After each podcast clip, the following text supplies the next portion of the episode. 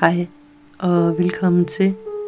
Du lytter til podcastserien Sara de tre P'er. En podcast om de tre principper. Jeg er din faste vært, psykolog Sara Spangsberg, og jeg vil som altid dele min forståelse af de tre principper, vores psykiske design, med dig.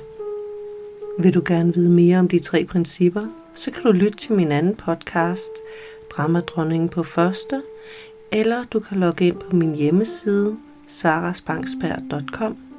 Her kan du blandt andet skrive til mig og bestille samtaler eller komme med forslag til podcastemner. Du kan tilmelde dig mit nyhedsbrev, og du kan også købe mit e-kursus En guided tur til indre ro, hvor du kan arbejde med din egen forståelse.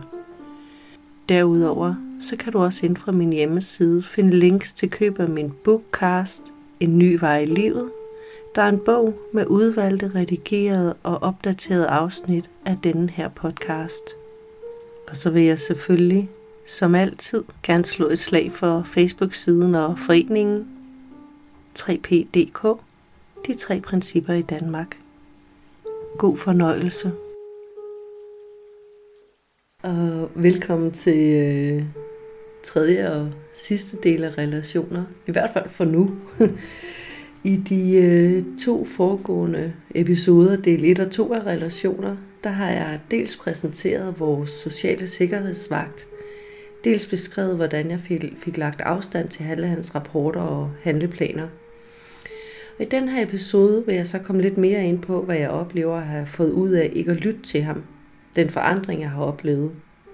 Og jeg besvarer nogle af de spørgsmål, som folk ofte stiller, når jeg taler om det her. En af de største forandringer, jeg oplever, øh, er, at når jeg ikke lytter til sikkerhedsvagten, så tager jeg andre folks adfærd meget mindre nært. Og det bliver nemmere at møde folk med forståelse og en ny grad af omsorg og grænsesætning. Jeg husker en situation, hvor en veninde var temmelig irriteret og sagde noget i stil med, at jeg var pisse nederen, og hun overhovedet ikke følte, hun kunne regne med mig, fordi jeg ikke lige kunne stå til rådighed, da hun havde brug for det. Sikkerhedsvagten var på pletten, og min første tanke var, hvad fanden bilder hun sig ind? Og jeg kunne mærke vreden sådan vælte ind over mig. Man kan sige, havde min kreative sikkerhedsvagt nu i stedet malet billedet. Oh my god, har hun ret? Burde jeg have prioriteret hende? Er jeg en idiot? Eller, åh oh nej, nu mister jeg hende som veninde. Så havde det været nogle helt andre følelser, der ramte mig. Men lige her, der var det altså øh, vreden. Og sammen med vreden, så kom der dels en masse sådan øh, support-tanker, der støttede den første tanke. Tanker om, at hun fandme selv var mega nederen, og hun var altid så mi, mi, mi, og jeg faktisk var bedre tjent uden hende, og så videre. Og alt det her i løbet af et splitsekund.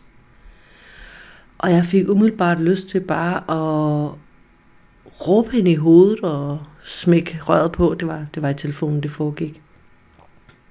Heldigvis var nummer to primære tanke, at det jo bare var min social sikkerhedsvagt, der var på spil.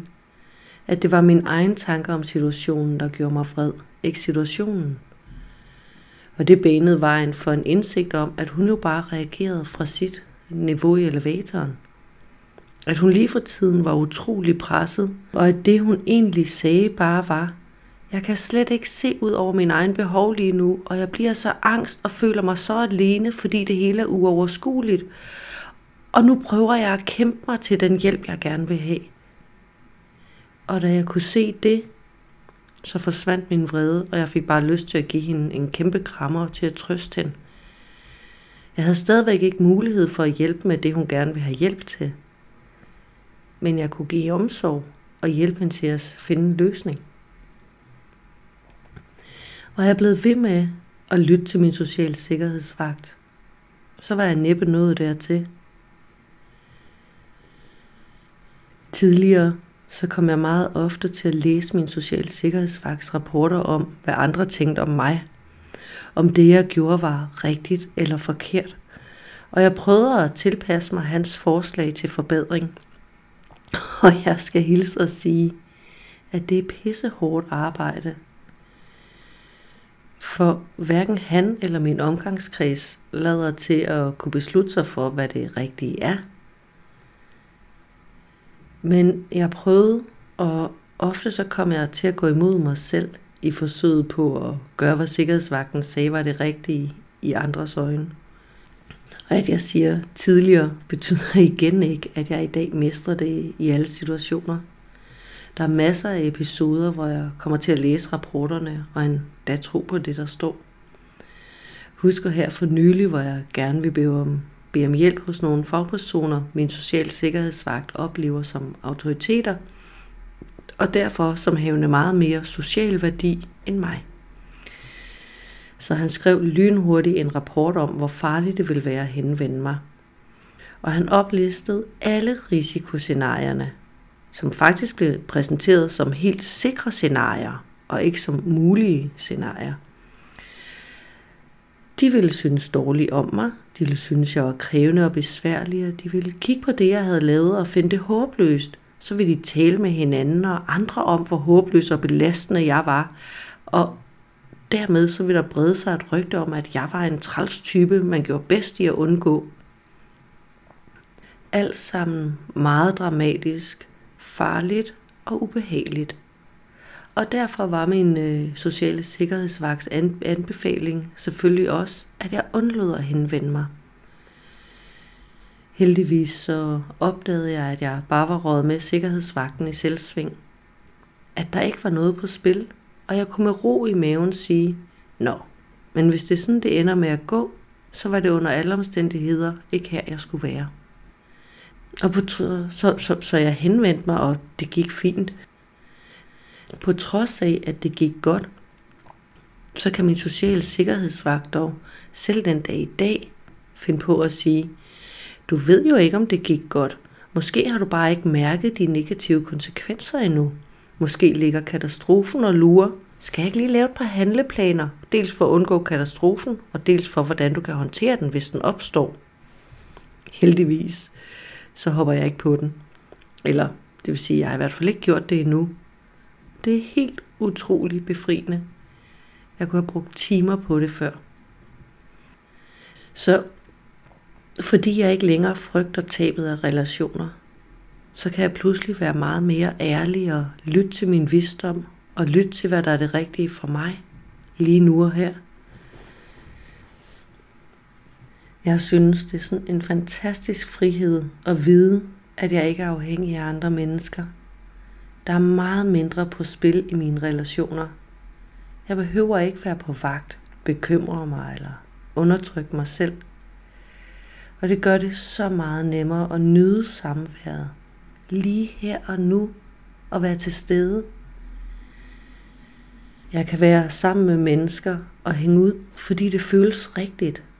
Ikke fordi jeg er afhængig af dem for at føle glæde, tryghed eller andet, eller fordi jeg har brug for dem for at undgå ubehagelige følelser som tristhed. Og jeg er ikke ansvarlig for deres følelser, og jeg behøver ikke at være bekymret for, hvad de måtte gøre ved mine.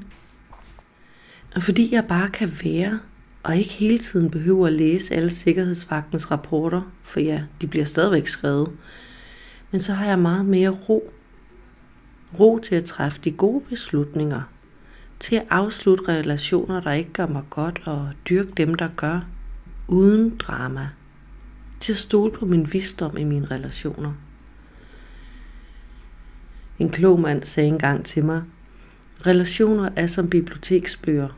På et eller andet tidspunkt skal de afleveres, så en anden kan låne dem. Og det er okay.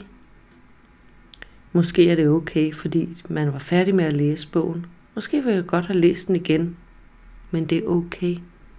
Hver gang du afleverer en bog, bliver der plads til en ny på hylden. Og der er bestemt ingen grund til at beholde en bog, du ikke nyder at læse. Jeg støder tit på spørgsmålet, hvis jeg ikke behøver andre mennesker for at føle mig glad, og de ikke behøver mig, hvis alle følelser kun findes og skabes inden i mig af mig, hvad skal jeg så med andre mennesker? som jeg ser det. Så er jeg sammen med andre mennesker, fordi jeg i min visdom kan mærke, at det føles rigtigt. Det er fedt at hænge ud med dem. Det er en god investering. Føles det ikke godt, så skærer jeg ned på samværet. Eller måske skærer jeg det helt væk. Men det er ikke dramatisk. Jeg støder ofte på folk, eller måske nærmere deres sociale sikkerhedsvagter, der lynhurtigt samler denne udmelding op, eller som allerede har samlet tilsvarende op langt tidligere i deres liv, og oversætter den til, at hvis man ikke kan være den optimale udgave af sig selv, glad, sjov, hjælpsom osv., så er der far på færre, for så er man ikke fed at hænge ud med. Så lad mig lige skynde mig at skyde den ned med det samme. At det er fedt at hænge ud, betyder ikke, at det er rosenrødt. Både jeg og mine venner, mest mine venner of course, er ganske ofte pissebelastende, krævende og træls. Men det er stadig fedt at hænge ud. For fedt at hænge ud handler ikke om, at det skal være let at hænge ud. Det handler om, at det skal være rigtigt. Føles rigtigt. Og hvis du har en omgangskreds, der reelt kun vil dig, når du er dit optimale jeg, så tror jeg, at din visdom har noget, den gerne vil have, du lytter til. og jeg kan ikke lade mig tænke, tror du mund i øvrigt ikke, at øh, din sociale sikkerhedsvagt sad for enden af bordet, da bestyrelsen afgjorde, hvad det vil sige at være optimal? Det er jo bare noget, vi har besluttet. Jeg får også af og til spørgsmålet, hvis det er mig, og ikke verden udenfor, der skaber mine følelser, burde jeg så ikke finde mig i alt? Skal jeg så ikke bare arbejde med mine tanker, hvis jeg nu bliver ked af noget, i stedet for at sige fra? Og som sagt tidligere, så mener jeg bestemt ikke, at vi skal finde os i alt. Men hvis vi kan ignorere vores sociale sikkerhedsvagt lidt, så kan vi meget bedre høre vores visdom. Vi kan se den rigtige vej for os at gå, og vi kan meget bedre sige til og fra på en hensigtsmæssig måde. Jeg stødte engang på et citat, men kan traditionen tro ikke huske, hvem det var fra. Men det lød noget i stil med, Lad være med at tænke alt for meget, for svarene kommer til det stille sind. I eksemplet med, hvor jeg sad i butikken, og så pludselig kom i tanke om, at, at øh, mine øh, venner måske holdt fest, der kunne jeg jo godt have troet, fordi der bliver jeg jo lige ked af det et øjeblik. Og, og der kunne jeg have kommet til at sige en hel masse fra at lave en masse ballade. Men fordi jeg lige ventede til jeg var mere i ro, så kunne jeg i det tilfælde se, at der ikke var noget at sige fra på. Og i andre situationer, der har når jeg så kom i ro, godt kunne se stadigvæk, at der var noget, jeg skulle sige til eller fra på, men jeg kunne gøre det på en helt anden måde, en rolig måde.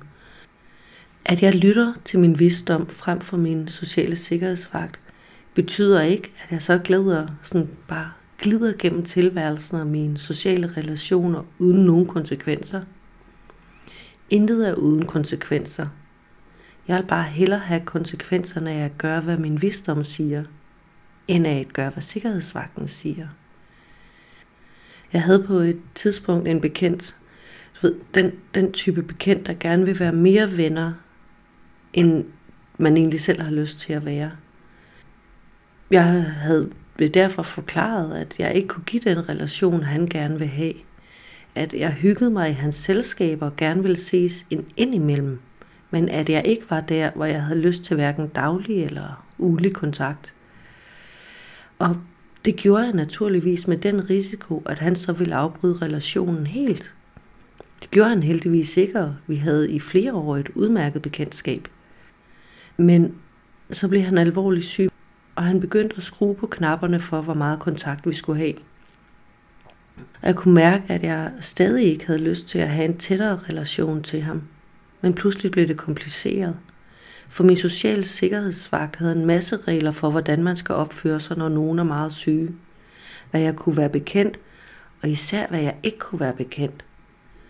Og hvis jeg skal være ærlig, så gik en del af min sikkerhedsvagts bekymringer ikke på, hvad jeg kunne være bekendt over for min syge ven. Nej, hans rapporter handlede i høj grad om, hvad alle andre ville tænke om mig. Og faktisk bare ved at sidde her og, og, og få sige det højt nu, så kan jeg godt mærke et par rapporter, der lander på bordet. Fordi puha, man må ikke sige, at man har opført sig så forkert. Heldigvis, så der har jeg ikke tænkt mig at læse dem. Nå, men altså, jeg var fuld af uro.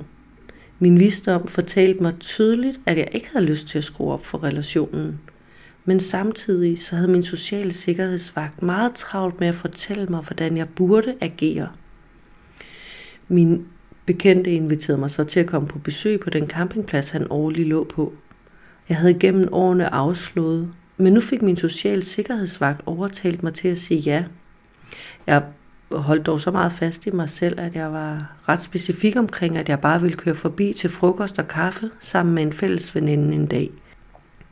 Men det valgte han efter lidt tid at glemme, og han begyndte så at kontakte mig hele tiden med alt muligt info om den her campingplads og hvad vi skulle lave i løbet af ugen. Min visdom skreg, nej, og min sikkerhedsvagt skreg, du er nødt til det. Han vil blive såret, hvis du siger, at du ikke vil. Og der var en helt enorm uro inden i mig. Og jeg brugt timer på den her indre diskussion. Indtil jeg en dag opdagede, hvad jeg havde gang i. Og uden tvivl, så vidste jeg bare, at jeg skal lytte til min visdom. For selvfølgelig skal jeg det. Så jeg sagde til ham, at jeg altså aldrig havde sagt ja til, at jeg ville komme hele ugen, og at jeg højst ville komme et par timer, som var det, jeg havde sagt fra starten af. Og det var en kæmpe lettelse. Var det konsekvensfrit? Nej. Men konsekvenserne var til at bære. For negative konsekvenser virker mindre alvorlige og tunge, når vi har været tro mod os selv, end hvis vi har svigtet os selv. Og det betyder selvfølgelig ikke, at jeg mener, at vi bare skal drøne rundt med hovedet i røven og slet ikke overveje konsekvenser eller aldrig tage hensyn. Det kan være ganske hensigtsmæssigt at gøre.